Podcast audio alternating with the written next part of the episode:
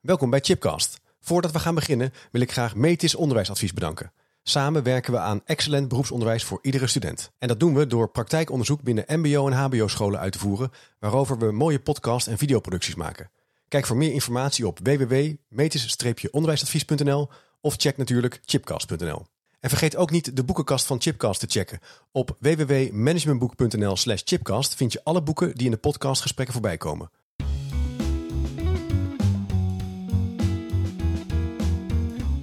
Welkom bij een nieuwe aflevering van Chipcast, waar ik op zoek ga naar nieuwe antwoorden en inzichten op vragen die mij bezighouden. En deze podcast is ontwikkeld in samenwerking met onderwijsadviesbureau Dekkers. En dit is een speciale editie van Chipcast, want het MBO's onderwijs staat centraal. We gaan uit de studio en naar de werkomgeving van studenten, van scholen en het werkveld. En dus echt op reis. En we zijn vandaag in Sommelsdijk in Zeeland te gast bij ROC Alberda College. Midden in Goeree-Overflakkee. Hoewel volgens mij daar nog wel een verschil zit hè, tussen Zeeland en Goeree-Overflakkee. Nou ja, daar kunnen we het dan zo misschien wel even over hebben. En bijzonder aan dit is dat we in een nieuw gebouw zijn. Waar het VMBO ook in gehuisvest is. En daar hebben we net een rondleiding uh, gekregen. Dus dat was heel erg interessant. VMBO-onderwijs, MBO-onderwijs nauw aan elkaar verbonden. En uh, dat kan je bijvoorbeeld ook zien aan de uh, leerwerklokalen. En specifiek gaan we vandaag op onderzoek naar gepersonaliseerd onderwijs. Wat is het, wat is het niet? Waarom heeft iedereen het vandaag de dag over gepersonaliseerd onderwijs? Want het is ook wel een beetje in de aandacht, zou je kunnen zeggen. En we vragen ons ook wel af, is het nou een hype of is het een betekenisvolle onderwijsvernieuwing? En hoe pak je als onderwijsorganisatie dan de implementatie aan van zo'n beweging? Helemaal als je een grote schoolorganisatie bent. En ik ben hier samen te gast met Remco Keizerwaard, directeur van onderwijsadviesbureau Dekkers. En Ellen en Floor, mijn uh, co-hosts en sidekicks, met wie we dit onderzoek en de voorbereiding hebben gedaan. En wie we ook, met wie we ook in de napraat nog zullen terugkijken op dit gesprek. En uh, ontzettend leuk dat je luistert. We gaan in gesprek met verschillende docenten. Die zitten hier om mij heen uh, hier uh, te luisteren. En we gaan in korte rondes over een aantal van die vragen in gesprek. En even als eerste heb ik Esther en Karin aan tafel. Esther, docent en onderwijskundige, begeleide invoering van gepersonaliseerd, leren. Nu in fase 1. Ik heb Karin aan tafel, projectleider van het onderwijs-innovatietraject op deze nieuwe locatie. Um, onderwijskundige en doet allerlei dingen, maar dat is even in hoofdlijnen uh, jouw expertise. Uh, Misha, uh, Horeca College, docent en projectleider van gepersonaliseerd leren, zit achter mij nu, komt straks aan tafel. Wanda van Kerkhoven van, hospitality, van het Hospitality College, ook docent en projectleider. ook onder andere van leerdoelgericht werken. Ook weer een interessant woord waar we het over kunnen gaan hebben. Um, en dan hebben we nog Bianca. Bianca Hellental, Hellental van Dam, lid van de ontwikkelgroep. Vijf jaar geleden gestart met gepersonaliseerd leren. En we hebben nog Hennen uh, Etelhash, facilitair veiligheidscollege, docent en projectleider van Hospitality Management. En ook betrokken bij gepersonaliseerd leren. Nou, dan heb ik volgens mij de hele groep Kijk, aan tafel. Ontzettend leuk dat het is. We zitten in hele strikte uh, regels, uh, zijn we aan verbonden op best wel wat grote afstand. En we hebben ja, goed onze handen gewassen. Dus we, we denken dat dit allemaal uh, netjes kan conform de richtlijnen. Maar laten we er maar eens even induiken. Dat gepersonaliseerd leren. Ik zou eigenlijk het woord als eerste aan, aan Karen willen geven. Um, leuk dat we hier te gast mogen zijn. Kan je iets zeggen over, ook als onderwijskundige, dat idee van gepersonaliseerd onderwijs? Waar komt dat eigenlijk vandaan? Uh, nou, het idee van gepersonaliseerd onderwijs. ja, jij vraagt net van, is dat een hype eigenlijk? Ja. Um, ik denk niet dat het een, een hype is, maar dat het echt voortkomt uit een aantal uh, ontwikkelingen in de maatschappij. Waarin um, uh, beroepen heel snel veranderen. Uh, en studenten op een andere manier leren. Hè, want we hebben die, die gedigitaliseerde wereld. Hè. Iedereen zit op social media, kijkt voortdurend Netflix enzovoort. Ja. Dus Um, heb je een, een andere manier van leren als uit boeken en readers en een juffrouw met een krijtje voor de klas. Zeg maar. dus um, om tegemoet te komen aan uh, die individuele behoeftes van studenten, maar ook aan de behoeften van het werkveld, ja. naar beroepsbeoefenaren die um, up-to-date zijn is dat gepersonaliseerd leren, zoals het nu naar uitziet, hè, maar het begint allemaal net, uh, een, zou een oplossing kunnen zijn. Ja, dus dan schets je even die context en die beweging van die veranderende student, het werkveld wat andere eisen stelt, het idee van onderwijs wat ook aan het vernieuwen is, waar we ook dingen slimmer kunnen doen. En nou is een van de, Esther, een van de lastige vragen die ik ooit heb gekregen in mijn onderzoek toen ik nog aan de universiteit werkte, van uh, kan je de definitie geven? Die ga je niet aan mij stellen, ja. die vraag. ja, dankjewel. Ja, dus ik dacht toch even, uh, kan, kan je een, een richting geven hoe jij daarnaar kijkt? Nou, niet in het algemene, maar wat is Voor mij ja. is het uh, gepersonaliseerd leren. Als je kijkt naar de groep hoe we het traditioneel deden, is één manier. En voor mij is het een soort ondervanging van uh, de, de, de, snelle groep bedienen, de middengroep en de, ja, we noemen dat dan even op onze locatie even de plakkers. Die net even soms wat meer nodig hebben om die groep op hun eigen manier te kunnen bedienen. En ook daar een onderscheid te maken dat sommige studenten gewoon in rekenen zwak zijn door een VMBO, wat dat misschien uh, net niet even lekker heeft aangeboden. Of op een andere manier, maar dat je op die manier eigenlijk iedereen het ja, kan bedienen, maar er ook wel rekening houdt met het beroep waarvoor zij kiezen. Want ja. um, als je kijkt naar onze uh, locatie waar luchtvaart centraal staat, onze stewardessen die komen uh, uh, binnen en die willen echt die kant op.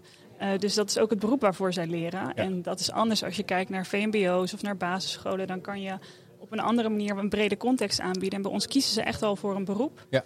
En dat is ook belangrijk om centraal te stellen. Maar je hebt dan ook nog de doelgroep die binnenkomt en misschien twijfelt en langzaam denkt: oh, oh dat is ook interessant, dat wil ik ook weten. Ja. Dus of maken een switch, of ze Zeker, willen misschien ja. een vak erbij gaan volgen. Ja, ja. precies. Dus het is ook een manier om dus verschil, verschil te kijken naar je doelgroep. En je noemt ook uh, een aantal keer, dat deed eigenlijk ook, dat werkveld. Hè? Je bent hier natuurlijk om een, een vak te leren. Een, dat zie je ook beneden. Hè? Je leert hier uh, banketbakkersopleiding, uh, zorg. Dus je gaat hier voor een vak. Ja. hoe is dat gekoppeld aan gepersonaliseerd onderwijs dan? Nou, dat je een vak leert. Want ja, je hebt, wel, je hebt 30 kinderen of 20 studenten in een klas. Kan je daar nog iets meer over zeggen? Uh, nou, het beroep staat centraal. Dus Ja. we leren vanuit de beroepscontext. En ehm, ja, als je dan kijkt naar hoe de lessen zijn vormgegeven. In, bij ons is het op dit moment vormgegeven dat je uh, bijvoorbeeld de vakkencabine en passage hebt en hotellerie. Die staan centraal. En Ja. daar gaat een student een eigen tempo in lopen. En kan daarin versnellen als dat nodig is of als dat niet nodig is. Maar Ja. ja, ja op die manier uh, staat het beroep altijd wel centraal. Ja. Ja. Dus dat vraagt ook wel wat van die, van die, van die docent, Zeker. van die werkbegeleider uit de praktijk. Uh, Remco, die, ja, die moet dus eigenlijk die, al die studenten goed in de gaten houden. Kijken naar die kritische beroepssituatie. De ene is wat sneller, de ander is wat langzamer. Absoluut. Wat, wat, wat, voor, wat vraagt dat van een docent? Nou, kijk, ik denk dat het voor een docent natuurlijk. Kijk, je, de kracht voor de docent is dat hij natuurlijk goed kan laten. Goed kan overbrengen naar studenten dat hij, hij of zij goed weet waar het beroep over gaat. Hè? Want dat is waar veel studenten hier ook op aanhaken in het beroepsonderwijs. Van dat, ze, dat is waar ze naartoe willen. Ja. Dus vanuit die achtergrond goed voorbeelden kunnen noemen. Maar ook goed soms, denk ik, kunnen jezelf kunnen aanpassen. Hè? Van hé, hey, die student zit in dat bedrijf waar ze al verder zijn met bepaalde ontwikkelingen. Dan kan ik me voorstellen dat je als docent ook wel eens meemaakt dat studenten in bedrijven zijn die verder zijn dan dat jij zelf op dat moment kan vanuit de ervaring die je eerder hebt opgedaan. Dus dat het Ja. ook wel een soort van spannend kan zijn. Ja. Hè, want jij eh, koppelt, of niet koppelt niet, maar je geeft aan, hè, bij jullie te- eh, het personaliseren zit ook in tempo. Ja. Maar je zou, eh, ik kan me ook voorstellen dat het vanuit differentiatie komt van hé, hey, ik heb dit meegemaakt bij mij op mijn stagebedrijf Ja. en nu. Ja, Ja, en dat, dat kan me voorstellen dat het veel vraagt. ja, ja. klopt. Ja. Ja, ik heb, eh, eerder hoorde ik over een samenwerksverband met een grote eh, automaker. En die vertelde bijvoorbeeld, ja, doordat wij eh, bij een ander ROC was dat, maar dan gaan we docenten die professionaliseren bij ons, maar die leren dan, die lopen eigenlijk soms achter Ja. vanuit het werkveld, omdat wij natuurlijk meegaan met innovatie bezig, elektrische auto's, alles is tegenwoordig een computer. Ja. En wij professionaliseren eigenlijk die docenten. Dat is ook wel spannend als docent. Dan kom je eigenlijk met een soort, nou ja, achterstand is niet het goede woord, maar soms moet je wel even. Ja, het is ook een kans ook natuurlijk. een kans. Je kan het ook als een kans zien om, om jezelf verder te ontwikkelen, Ja. samen met studenten. Ja, ja. Ja. En Karen, eh, dat gepersonaliseerd onderwijs. eh, in, mijn- in mijn beleving bij het woord denk ik ook dat je dus als student je eigen route kan bepalen. Dat, je som, dat betekent dat je keuzes kan maken, afgewogen met een coach of een docent daarbij. Maar ja, zo'n schoolgebouw, we hebben wel lokalen, we hebben een rooster. eh, Ja. Wat vraagt dat nou van een schoolorganisatie? Eh, nou, dat, dat vraagt heel veel van een schoolorganisatie. En aan de voorkant moet je eerst heel goed eh, bedenken eh, tot hoe ver je gaat personaliseren. Eh, kunnen studenten eh, routes volgen die helemaal vrij zijn? Uiteindelijk is er altijd een kwalificatiedossier met eindtermen waar studenten aan moeten voldoen. Dus heel, heel vrijblijvend is het niet. Ehm, maar ehm, om hele gepersonaliseerde routes per student te organiseren in een wereld waar eh, nog steeds gedacht wordt in groepen hè, Ja. van 24 tot 30. Nou, ga er maar aan staan als docent om al die studenten individueel uh, te begeleiden. En uh, er zijn wel voorbeelden te noemen uh, bij andere ROC's waar ze dat hebben ingezet. Maar ik weet één ROC waar ze dat nu ook weer gaan terugdraaien. En de meeste ehm, beweging zit hem van ehm, vaststaande leertrajecten, waar meestal wel mogelijkheden zijn om te versnellen of te vertragen. Maar in het standaardprogramma uh, naar um, leerarrangementen. Dus dan ga je uh, modulair uh, ga je, uh, ontwikkelen, waarin ruimte zit in het volgen van modules. Oké, okay, moet je even helpen voor de luisteraar die nu denkt modulair werken? Dat is ja. wel weer een nieuwe term. Kan, kan je dat, ja. of Esther, zou je dat kunnen, heb, heb je daar een idee bij? Wat dat... Ja, wel, wij zijn met ons cluster Hospitality een beetje naar die zoektocht van hoe gaan we dat inrichten. En we willen eigenlijk heel graag dat binnen het cluster dat vormgegeven wordt, dat je ook binnen opleidingen kan ja, kan switchen is niet het juiste woord, maar aan kan vullen ja. uh, in wat de student uh, wil. Dus dan, dan ga je uit van bepaalde, ja, wij noemen het dan leereenheden, maar dat kan je vergelijken met modules. Dat die centraal komen, dus komen staan, dat is een soort um, ja, thematisch inrichten van leerdoelen. En dat ja. de student dat dan uit kan wisselen, zodat je die, ja, eigenlijk de kruisbestuiving krijgt tussen die opleidingen. Ja. Ja. En dan hier willen we daar nog een stapje verder in gaan, hè, in deze locatie uh, Middelharnis. Daar uh, hebben wij heel veel uh, hele jonge studenten hè, die voor de bolopleiding komen. En we zitten ja. ook in een gebouw waar het VMBO ook in zit. Uh, en ja, waar we naartoe willen is doorgaande leerlijnen. Dus ja. zodat studenten ook al onderdelen uit het MBO kunnen gaan volgen als ze daar aan toe zijn. Uh, maar die uh, studenten die weten soms of vaak eigenlijk helemaal niet zo goed voor wat voor vak ze nou eigenlijk nee. kiezen. Dus waar wij nu, we staan aan het begin van zo'n ontwikkeltraject. Waar wij nu aan denken is aan een basisperiode die generiek is. Dus dan maar, kan dat lijkt je... mij, maar dat lijkt mij een beetje haak staan, omdat gepersonaliseerd basisperiode die generiek is. Ja. Maar als je nou zegt als student, ja, maar dat basis... Uh, interesseert me niet zo. Ik ga lekker uh, ja. verder of zo. Ja, nou dat, dat zou kunnen. Hè. Als je zeker weet dat je ja. houtbewerker ja. wilt worden. Uh, dan uh, zou het zo moeten zijn dat je dan in dat modulaire systeem, ja. uh, dat je dan modules kan kiezen om daar snel uit te komen. Ja, precies. En als je student bent en je denkt, nou ik heb bedrijfsadministratie gekozen, maar nou ja, ik zit zo eens te kijken en misschien is kapper ook wel leuk, hè, want zo werkt het hier. Ja. Uh, en nu is het zo dat je kiest voor een opleiding. Hè, ja. En dan ga je dat een jaar doen. En dan loopt het niet. En dan val je uit. En dan moet je nieuw kiezen. Begin je weer opnieuw. Ja, je zegt met die module, modulair is een beetje. Dan heb je een soort boekenkassen van stukjes. Dan kan je zeggen, nou dan pak ik dat stuk er even uit. Ja. Dan ga ik daarna naar dat blokje toe. En dan hoef ik niet meer opnieuw te wachten tot september. Stel ik me dan voor, hè? Ja. Ja, Remco. Nou ja, nou, waar ik aan zat te denken, want vanuit het gesprek, hè, jij vroeg in eerste instantie naar de, hè, die individuele uh, leerlijn of die individuele keuzes. Maken jullie eigenlijk al de stap naar nou, dat is misschien wel iets te ambitieus, ja. als ik het goed samenvat. Maar als je meer gaat kijken naar modules of leerroutes, dan hebben studenten kunnen wel daar richting aan geven. Maar dan kunnen ze dat meer als groep doen. Waardoor het misschien ook beter uitvoerbaar wordt. Mag ja, daar gaat het over. Want uh, wat het grootste probleem is bij gepersonaliseerd onderwijs, ja. dat is de organisatie daarvan en de systemen. He, want wij verzinnen vaak, uh, nou, in ons idee hè, als, als docenten en ontwikkelaars, hele goede, interessante, didactisch, pedagogisch verantwoorde uh, uh, leertrajecten. Ja. En dan kom je erachter dat het niet in het systeem past. Ja. Nee. Maar dat, is, dus dat betekent eigenlijk dat die student misschien ook wel een rol moet hebben in het ontwerpen. Want inderdaad, het is een klassieke ontwerpfout. Dat je eigenlijk zelf denkt, is fantastisch. Maar de student zelf of de gebruiker, hè, als je het even in een product zou zeggen, denkt nou, is er. Uh, ja, je moet, mee. ja, je moet goed in de gaten houden wat die student wil. Een brede opleiding, dat is niet altijd waar een student uh, voor kiest of wat diegene wil. Ja.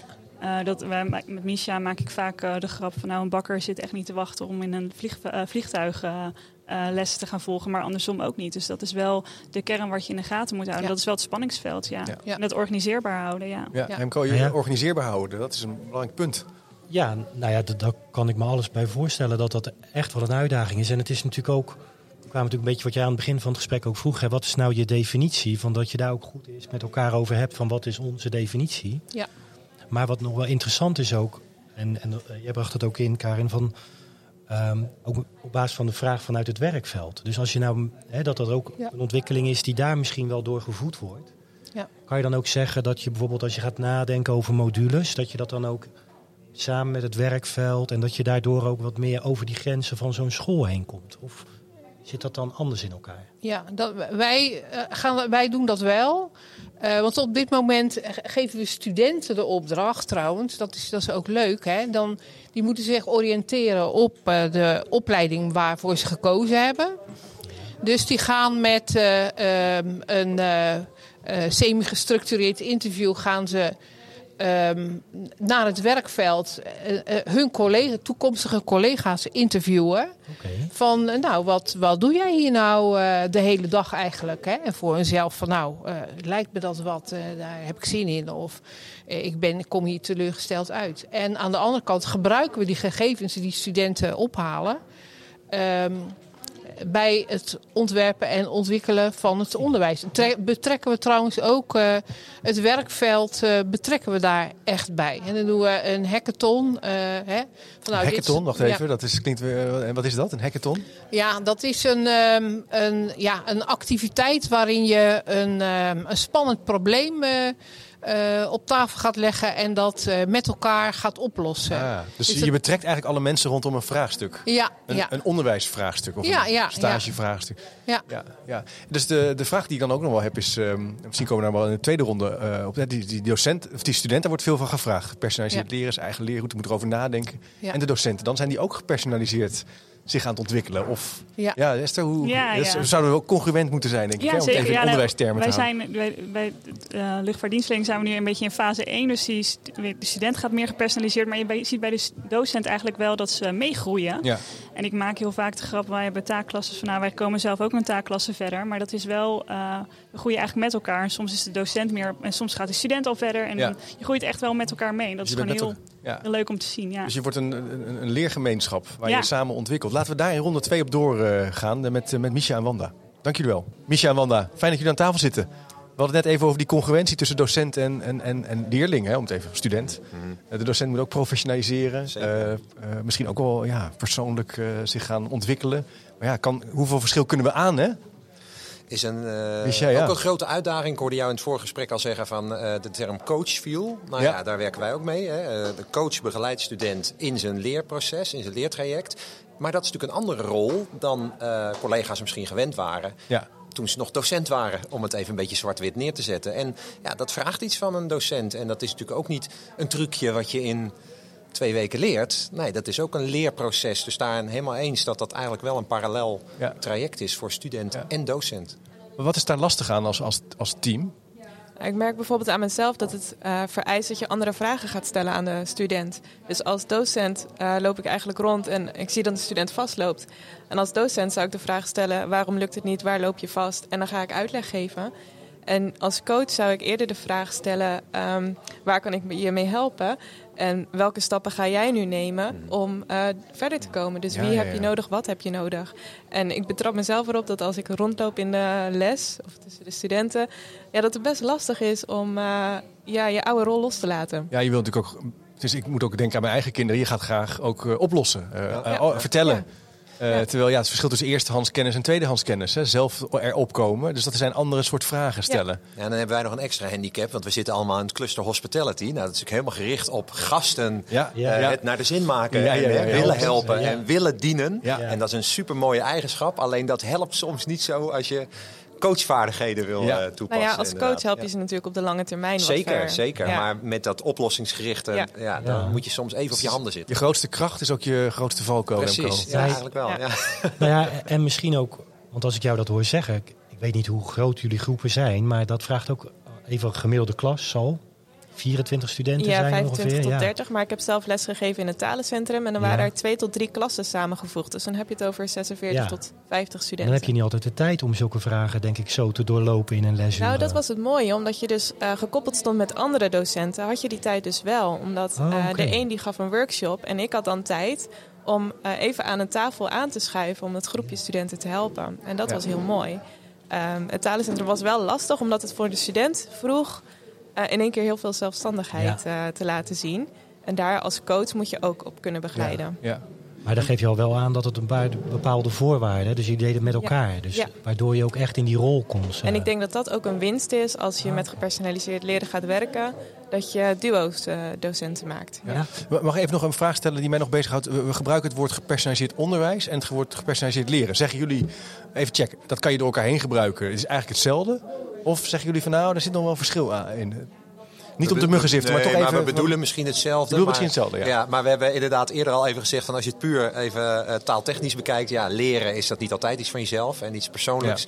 Eh, ik denk dat als je het heel eh, eh, specifiek wil benoemen, dat je misschien eerder zegt dat we het hier hebben over gepersonaliseerd onderwijs. Omdat we het ook bekijken vanuit Ja. hè, de organisatie Albeda die wij zijn. Ja. Eh, Ja. Dus dan bekijken we het vanuit het onderwijs. Ja, oké. Ja. Hey, en eh eh, Misha, dit is natuurlijk ook... Albeda is een grote, groot ROC met een jaarrekening, met Ja. gebouwen, met Ja. structuur. En elke organisatie wil van zichzelf optimaliseren. Het moet lean gaan. Er zijn allerlei mensen die hebben dan opvattingen over andermans werk. Dat is gewoon inherent aan een bedrijf zijn. Ja. Wat zijn nou dilemma's waar je tegenaan loopt? Want die organisatie wil misschien wel optimaliseren, terwijl dat gepersonaliseerd leren toch een, een beetje een andere beweging is. Ja, ja eh, het is net al even genoemd. Hè. Het logistieke stuk is daar natuurlijk een groot vraagstuk in. Eh, we hebben lokalen, we hebben roosterprogramma's. We hebben eh, een, een fantastische digitale backup om ons Ja. onderwijs te faciliteren. Alleen, ja, die systemen hebben ook beperkingen. Ja. En dat is heel logisch. Alleen willen wij dan soms in de praktijk sneller dan dat we Ja, met de systemen mee kunnen bewegen. Kan je een voorbeeld geven van iets wat dan, wat dan speelt? Nou, nee, het ging net even over het, het persoonlijke rooster.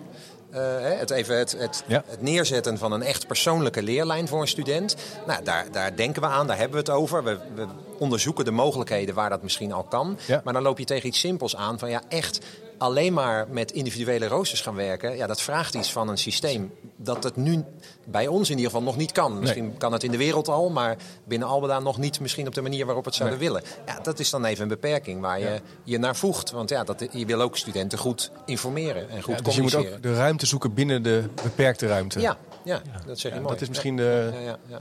Remco, eh, ja, jij hebt ook natuurlijk lang bij Albeda ook eh, gewerkt. Hè? Ja. Dus jij, jij kent de context, de wereld. Ja. Ehm, wat zijn dingen waar je, die jij ziet? Ook nu, eh, in, nu in een andere rol zit. Nou ja, kijk. ehm, nou, als ik zo naar Misha luister, van, van, dan, dan herken ik die vraag van... Technisch zijn vaak dingen heel goed te regelen.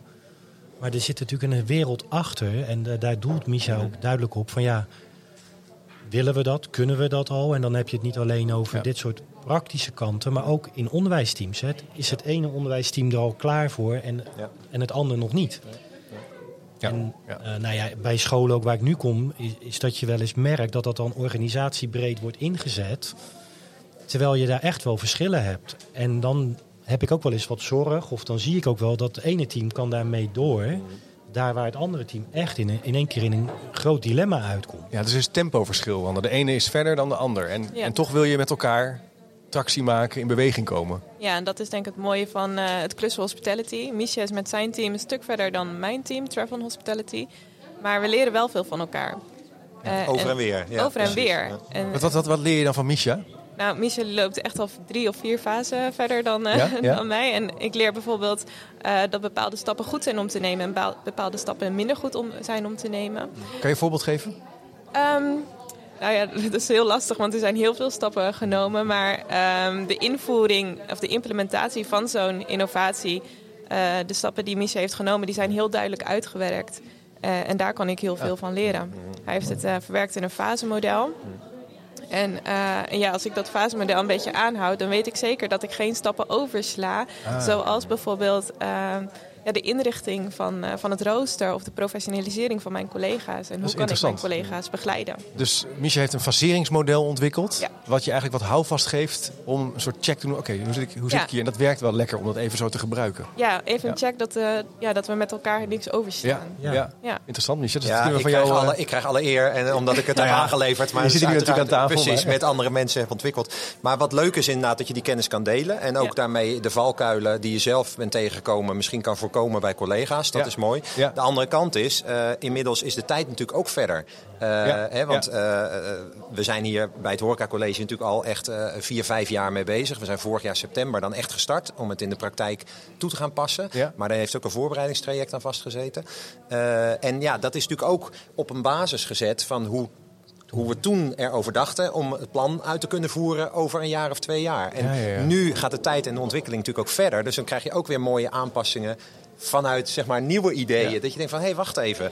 eh, we kunnen dit misschien Ja. ook nog wel, eh, weet je wel, nog bijsturen. Omdat dat misschien wel beter werkt. Het is wel opvallend, jij, dus- want jij schetst zo even een paar, vier, vijf jaar al. Dus blijkbaar zijn jullie wel een beetje de early adapters. Of in ieder geval Daar wel... begint het op te lijken. Ja, misschien. hè, als je zo jezelf- om je heen kijkt. Ja, Ja, kan je er iets over zeggen? Hoe komt dat? Want je, je hebt, ja, je hebt altijd toch, ik heb altijd vrienden die hebben altijd de nieuwste gadgets. Of die zijn, lopen zijn jullie dan, heb jij een team wat, een beetje, wat, dit natuurlijk als het ware... Ja, nou, ik denk dat dat er zeker mee te maken heeft. Ehm, ja, ik, ik geef altijd als voorbeeld, ik woon in een tiny house. Ja, dat geeft ook aan hoe ik in elkaar zit. Hè? Oh ja. Even als mens. Want, Ja. eh, Dan vind je het leuk om nieuwe dingen uit te proberen. Ja, En maar wat is een tiny house voor de luisteraar die nu denkt, dat is dat gewoon Eh, serieus een heel klein huis? Een heel klein huis van 20 vierkante meter, Ja. waar ik eh, heel fijn woon al drie jaar met mijn vriendin. En wat je natuurlijk voor uitdagingen stelt, want we willen leven van de regen en de zon. En ja. dat is in Nederland een uitdaging. Het kan, maar het is een uitdaging. Maar even als, ik gebruik het vaak als metafoor om aan te geven van ja, zo moet je in elkaar zitten. Dat hoeft ook niet iedereen leuk te vinden, zo bedoel ik het niet. Maar het, het geeft wel aan hoe je in het leven staat. Ja, en dat heb je natuurlijk wel nodig om vooruit te willen kijken met nieuwe dingen. Ja, want we hadden het net even over ruimte zoeken in de beperkte ruimte. Ja. Blijkbaar ben jij daar wel goed in.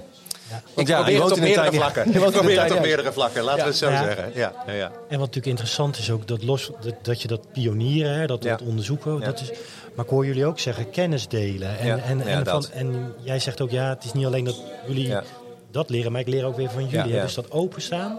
Nou, wat denk ik ook eh, goed eh, dat jij dat aanvult, Remco, want dat was eigenlijk jouw vraag. Van wat is daar dan voor nodig geweest? Nou, ik denk ook gewoon een team hè, en Ja. een directie die Ja. daar eh, ruimte voor biedt. Eh, ook eh, voeding aangeeft. Hè? Ja. Ook gewoon vraagt van, goh, Ja. eh, willen we zo door blijven gaan? Willen we wat anders? En zo Ja. ja, wat dan? En mensen daarbij Maar betrekken. het klinkt heel mooi een ruimte bieden, maar ik weet ook wel dat veel directeuren zeggen dat ze ruimte bieden. Ja. En dan komt puntje bij paaltje en dan heb je ontzettend veel last van ze. Dus blijkbaar zijn het hele bijzondere mensen die...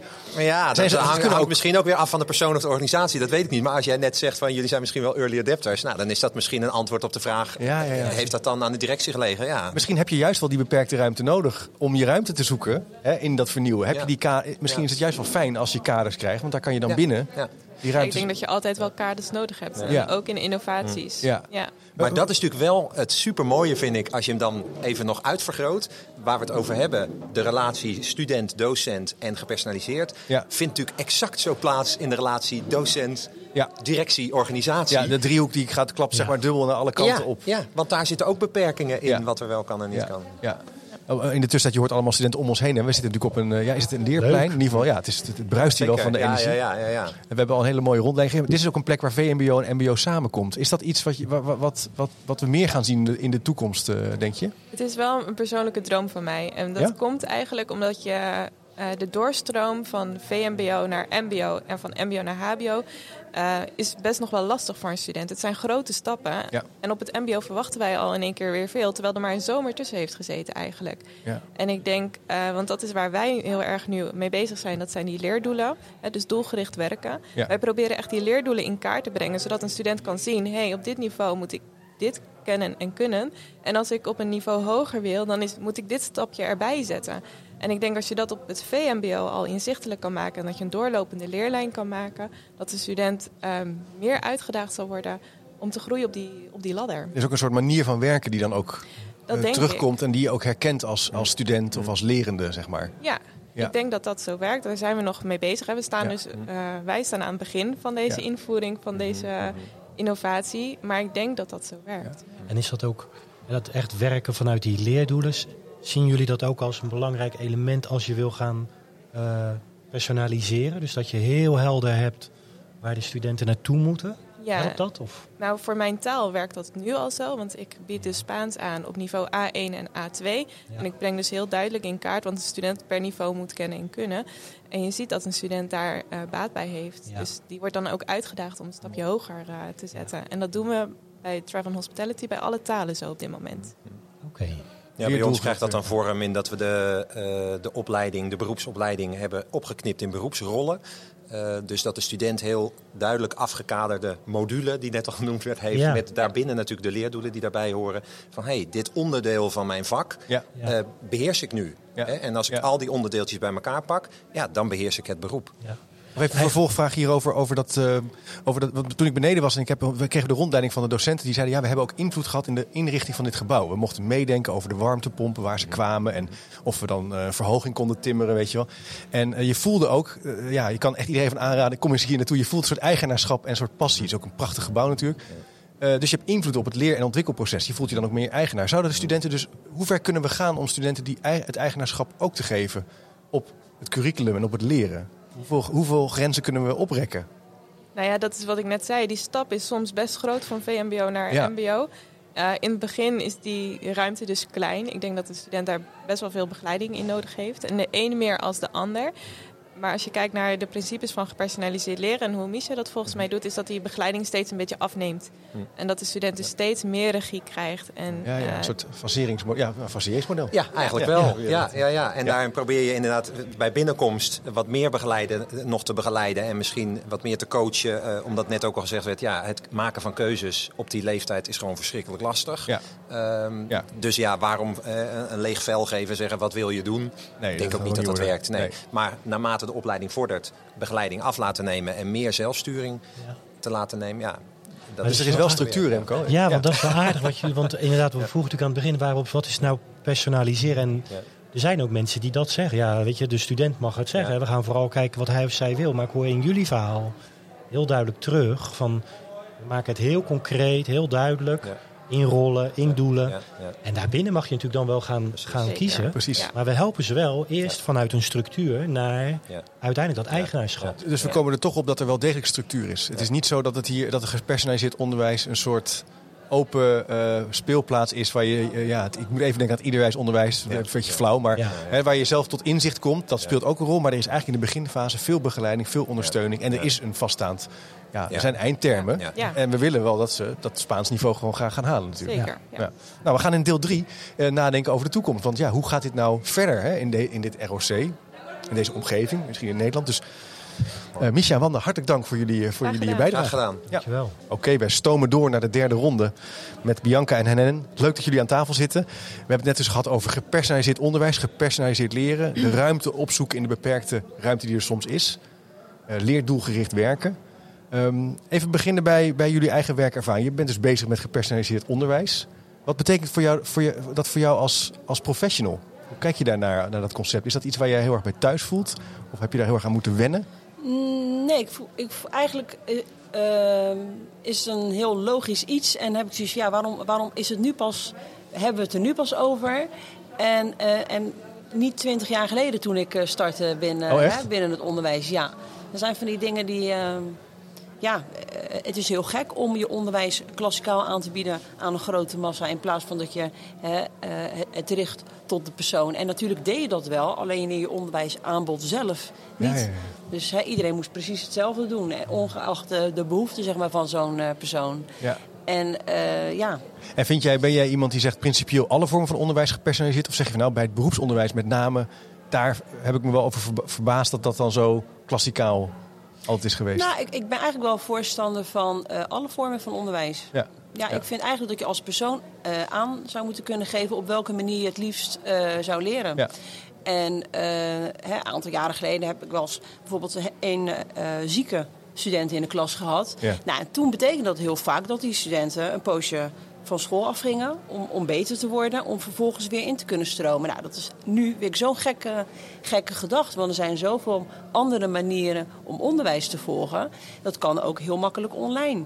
Uh, ik, ik ben zelf uh, heb ik een poosje, had ik een gebroken been. Nou, dan zat ik een paar maanden thuis. Zo gek, terwijl ik alles deed. Ja, ik kon alleen even niet lopen. Maar ja, dat was gewoon nog geen, er werd niet over nagedacht van nou dan dan, nee, je zegt eigenlijk, er zijn zo vaak omstandigheden die het ja. nodig zouden kunnen maken. Ja. Maar ook wel een radicaal uh, opvatting, een radicaal onderwijskundige opvatting. Alles kan, zou, zou persoonlijk kunnen. Ik ben wel even benieuwd naar hoe Bianca daarnaar kijkt. Uh, jij bent um, ja, ook betrokken hè, bij gepersonaliseerd onderwijs. Al, al een tijd. Ja, zeker. Wij zijn uh, vijf, zes jaar geleden begonnen. En eigenlijk naar aanleiding van een probleem wat er lag. En ehm, ja, als ik er nu op terugkijk, denk ik, toen ik inderdaad twintig jaar geleden in het onderwijs kwam, was ik onbewust daar dus ook al mee bezig. Om te kijken, waar ben jij goed in? Uh, kan jij daar niet sneller in? Of inderdaad studenten die nou ja, wat jij als voorbeeld geeft, ziek waren, om daar al oplossingen voor te zoeken. Dus ik denk dat ik onbewust daar al heel lang mee bezig was, veel langer als dat het een naampje kreeg. Ja. En jij vindt wel dat het echt iets nieuws is. Het is niet uh, ja, oude wijn in nieuwe zakken. Weet je wel, het idee van uh, competentiegericht onderwijs. Of gebeurt het misschien al twintig jaar? Je zegt het is echt wel een trendbreuk of een nou, wij hebben het dus inderdaad in het begin ook gepersonaliseerd leren genoemd, de eerste paar jaar. Ah, kijk eens even. En wij hebben ervoor gekozen vorig jaar om uh, de term gepersonaliseerd leren te laten gaan. En wij noemen het nu flexibel leren. Ah. Omdat gepersonaliseerd leren daar uh, ja, is toch een beetje een containerbegrip. En wat versta je daar nou precies onder? En zeker voor mensen die weinig van onderwijs weten, de studenten of ouders, die denken, ja, wat bedoel je dan? Ja. Terwijl de term flexibel geeft veel meer aan wat we doen. En is voor veel meer mensen ook gelijk duidelijk wat ze van ons mogen verwachten. Ja, ah, kijk. Dus, en, en wel weer een nieuw begrip.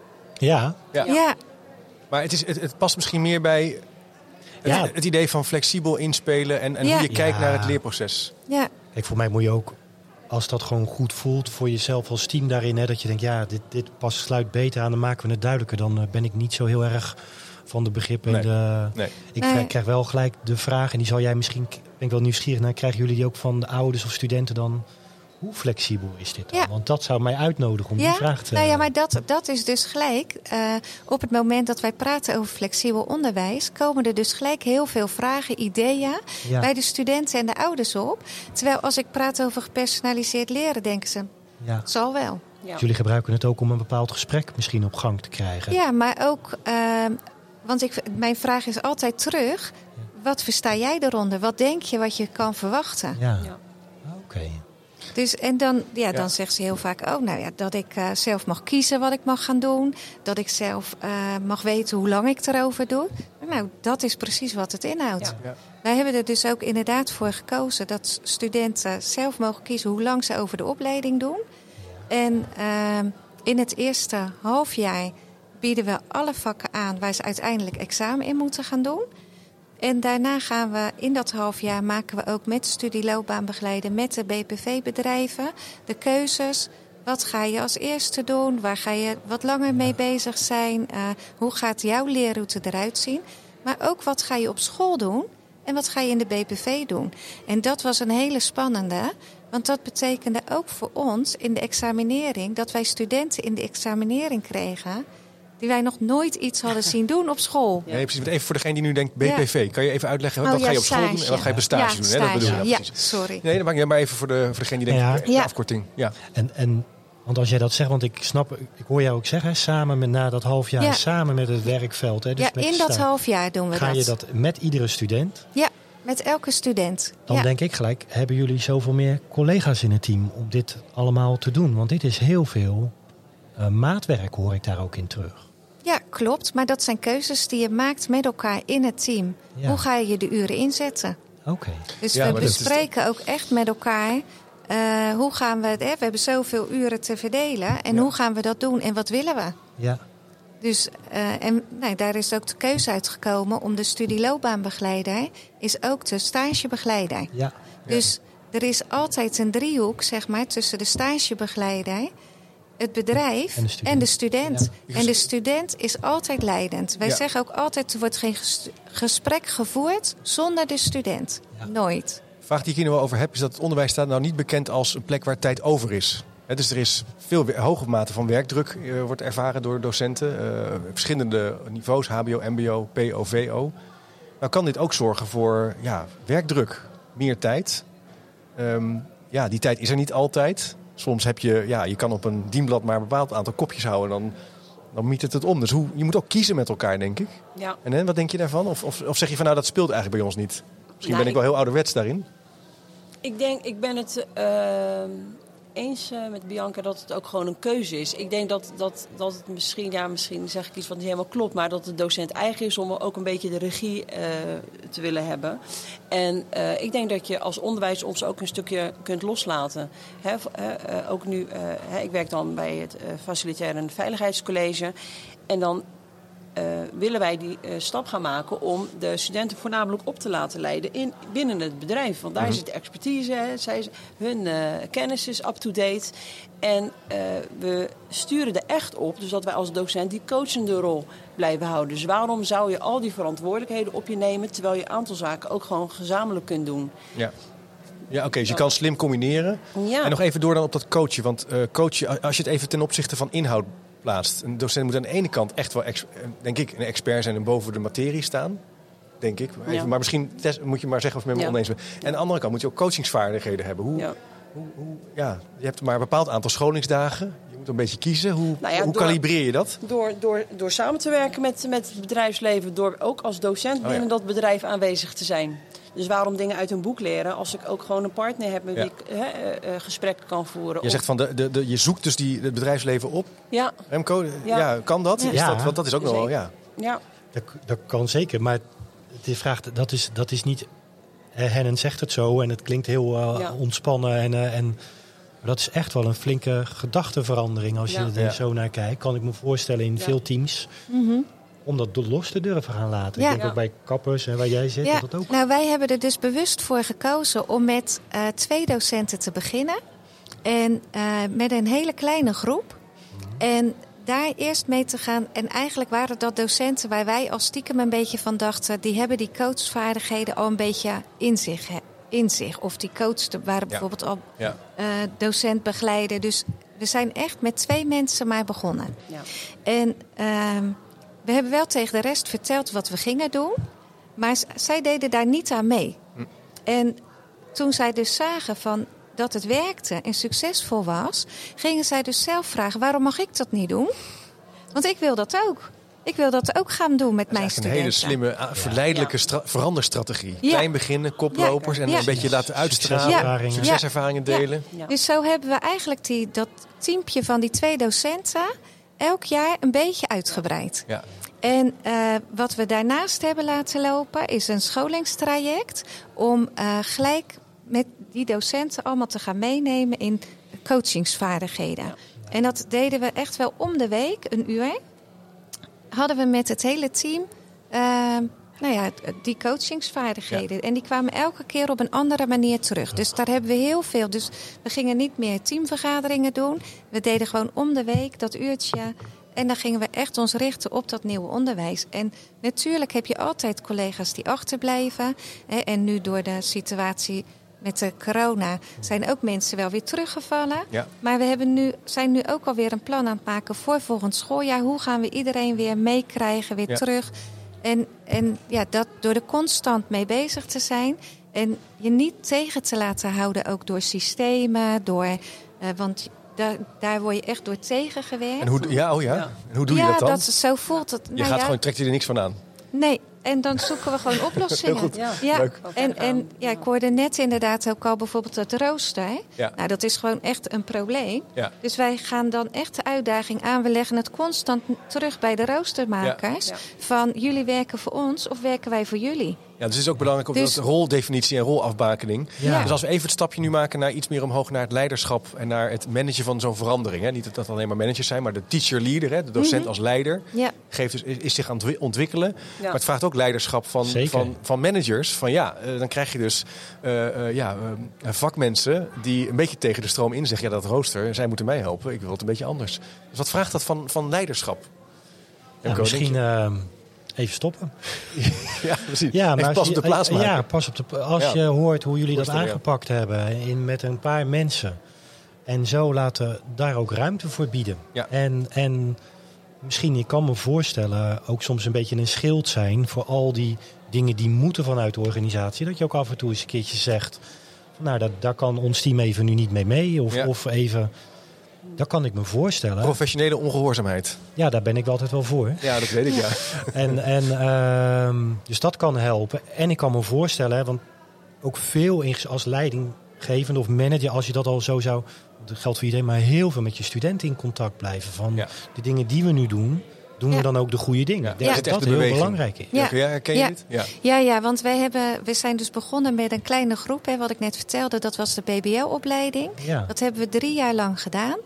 En toen uh, kwamen de innovatiegelden. En toen hebben we gezegd: we gaan die gelden niet gebruiken voor nieuwe innovatie. Maar we gaan die gelden gebruiken om onderzoek te gaan doen naar de innovatie die we ingezet hebben. En hoe we die succesvol kunnen doorzetten. Een soort reflectie dus- op het proces. Ja. ja. dus na die drie jaar hebben we uh, onderzoek daarop gezet. We hebben uh, de studenten geïnterviewd, maar we hebben ook naar de cijfers gekeken. hè, want wij denken, hoe succesvol is het nu eigenlijk? Hè? Want wij vinden het wel succesvol, maar ook de docenten geïnterviewd. We hebben observaties gedaan in de klassen. Waar dat, uh... Eigenlijk een vorm van gedisciplineerde reflectie. Hè? Dat weten we ook uit onderzoek, dat ook bij veranderprocessen, maar ook bij leren, het helpt klas klassikaal reflecteren. is een hele sterke vorm van uh, kijken naar ieder individuele uh, opbrengsten. Dat kan je dus eigenlijk ook met een veranderproces doen. Ja. Je eigenlijk, eigenlijk dwingen om te kijken wat gaat hier goed, wat gaat hier beter. Ja. Maar en dit is natuurlijk ook de kans om, als we willen doorbouwen, om nu uh, ons af wat, wat, wat eisen misschien wel uh, naar Albeda College. Als je nou meer hiervan wil hebben, wat vind je nou dat waar wij als organisatie, als ROC-organisatie, beter in kunnen worden? Of wat we meer moeten kunnen gaan organiseren om dit nog krachtiger door te ontwikkelen? Wat heb jij dan nodig? Nou, dat vind ik een moeilijke vraag. Want ik, ik, uh, ik voel persoonlijk geen beperkingen. Ik denk dat, ja, het gewoon de uh, tijd. Ik denk dat, dat uh, zulke dingen hebben tijd nodig. Jij noemde net al, het is, het is een proces dat je doorloopt. Uh, met mijn team staan we echt helemaal aan het begin. We zijn echt nog aan het oriënteren. Ja. Hè, en in samenwerking met de collega's die net gesproken hebben, ja, dan deel je heel veel ideeën en dan weet je, en dan hè, wordt je pad ook steeds duidelijker. Maar zoiets kost tijd. Dus uh, stel, en dat, dat, is niet zo, maar er wordt, zou er worden gezegd... nou, volgend jaar moet het helemaal gepersonaliseerd zijn. Ja, dat, dat gaat niet. Nee, is eigen tempo. elke student is anders, elke collega's zijn anders. De ene gaat ergens met een, snelterrein doorheen... en de ander heeft gewoon wat meer uh, ervaring, best practices nodig... om het zich eigen te maken. Dus ik zou ja, en, en een visie, weet je, ergens een stip op de horizon waar je naartoe blijft werken met ja. z'n allen. Ja, een lange termijn visie, lange termijn aanpak. Nou ja, dat, ja. Ik moet er ook aan denken. Wat ik heel erg bij jullie in de verhalen hoor doorklinken is ook... Dit kost gewoon jaren. Hè? Dit is niet iets... Hè? Jij bent al een aantal jaren bezig bij de kappersopleiding. Nou, bij, ook bij het hospitality hoor je het voorbij komen. Dus continuïteit. En als ik dan naar jouw vraag net denk van leiderschap. Ja, leiders van scholen. Eh, weet je, uh, hou ook gewoon even het roer gewoon... de komende jaren ook gewoon die richting op die je wil. En ga dan niet te veel dat zou misschien iets kunnen, gedachte kunnen zijn van... Dat past bij het onderzoek wat wij doen naar excellent onderwijs. Een lange termijn uh, visie. Langer dan 10, 15 jaar vasthouden. En niet na twee jaar zeggen, nou nu gaan we uh, nou ja, weer een nieuwe... Dat zou teams heel erg kunnen helpen, denk ik. En docenten daarin. Als ik het zo hoor in de verhalen daarin. Dus op lange termijn moeten we dit gewoon blijven volgen, Remco. En dat gaan we gewoon, uh, Super interessant. Dan moet ik even op het eind, we zijn op het eind van de podcast gekomen. Misschien toch wel even wat rechtzetten over Goeree, Overflakke Ja, dan moet je zeker even... Wil jij me even erbij helpen? Want Goeree, Overflakke is, is geen, geen Zeeland. Sorry.